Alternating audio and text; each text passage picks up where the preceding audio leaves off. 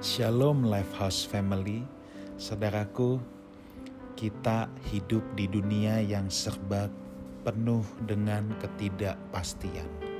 Kita tidak tahu apa yang akan terjadi tahun depan. Satu tahun sudah kita lewati dalam posisi new normal atau sebuah normal yang baru. Kita tidak tahu bagaimana yang akan terjadi dengan tahun depan, bahkan bulan depan, saudaraku ya uh, kita juga mendengar tiba-tiba ada kerabat kita mungkin yang tiba-tiba terserang COVID bahkan yang parahnya bisa sampai meninggal. Saudaraku, banyak orang menunggu kapan vaksin keluar, tetapi juga again tidak ada kepastian kapan vaksin keluar. Kita juga tidak bisa memastikan kondisi bisnis kita, pekerjaan kita, apakah tahun depan, dua tahun lagi, tiga tahun lagi, pasti akan seperti apa? Apakah semakin naik, semakin turun, steady?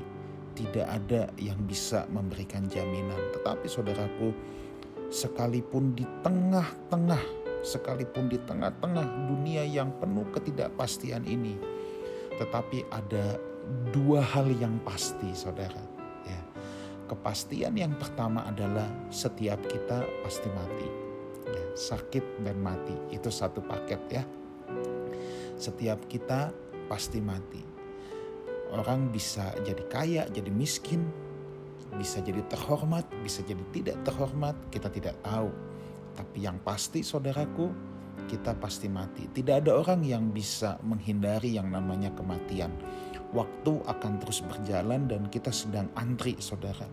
Menunggu pemecatan sebagai manusia yaitu kematian. Tetapi ada kepastian yang kedua saudaraku kepastian kedua ini dituliskan oleh Paulus di 1 Tesalonika 4 ya mulai ayat yang ke-16 sebab pada waktu tanda diberi yaitu pada waktu penghulu malaikat berseru dan sangkakala Allah berbunyi maka Tuhan sendiri akan turun dari sorga dan mereka yang mati dalam Kristus akan lebih dahulu bangkit.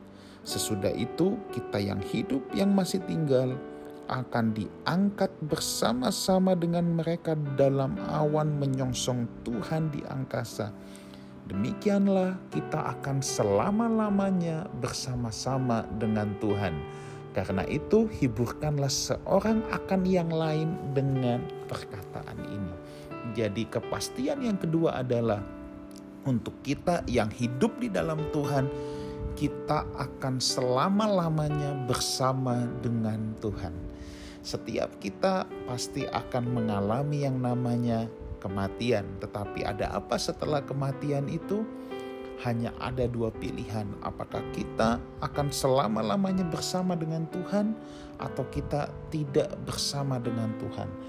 Satu Tesalonika 4 ini saudaraku, kalau kita lihat dari ayat awalnya, ayat yang ke-13, itu di mana ada orang-orang Tesalonika yang begitu berduka. Ya, kalau saudara lihat ayat yang ke-13, begitu berduka karena ada kerabatnya atau saudaranya yang meninggal dan Paulus bilang jangan berduka seperti orang-orang lain yang tidak punya pengharapan. Nah, orang yang tidak berpengharapan yang tidak di dalam Tuhan, mereka hanya memiliki satu kepastian yaitu kematian.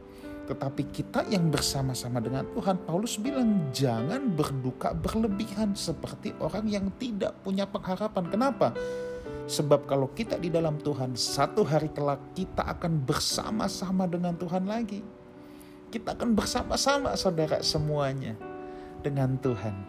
Jadi saudaraku, bagi kita kepastian bukan hanya satu, bukan hanya mati. Tetapi kita akan bersama-sama dengan Tuhan. Itulah sebabnya yuk kita ajak pasangan hidup kita, anak-anak kita, keluarga kita, teman-teman kita untuk hidup di dalam Tuhan supaya suatu hari kelak kita akan bersama-sama dengan Tuhan selamanya berkumpul kembali bukan hanya di bumi ini tetapi sampai di kekekalan nanti.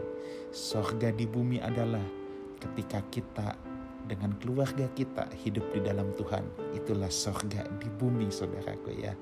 Siapa bilang di bumi nggak ada sorga? Di bumi ada sorga. Sorga adalah tempat di mana Tuhan hadir. Saya percaya ketika Tuhan hadir di keluarga kita, itulah sorga di bumi.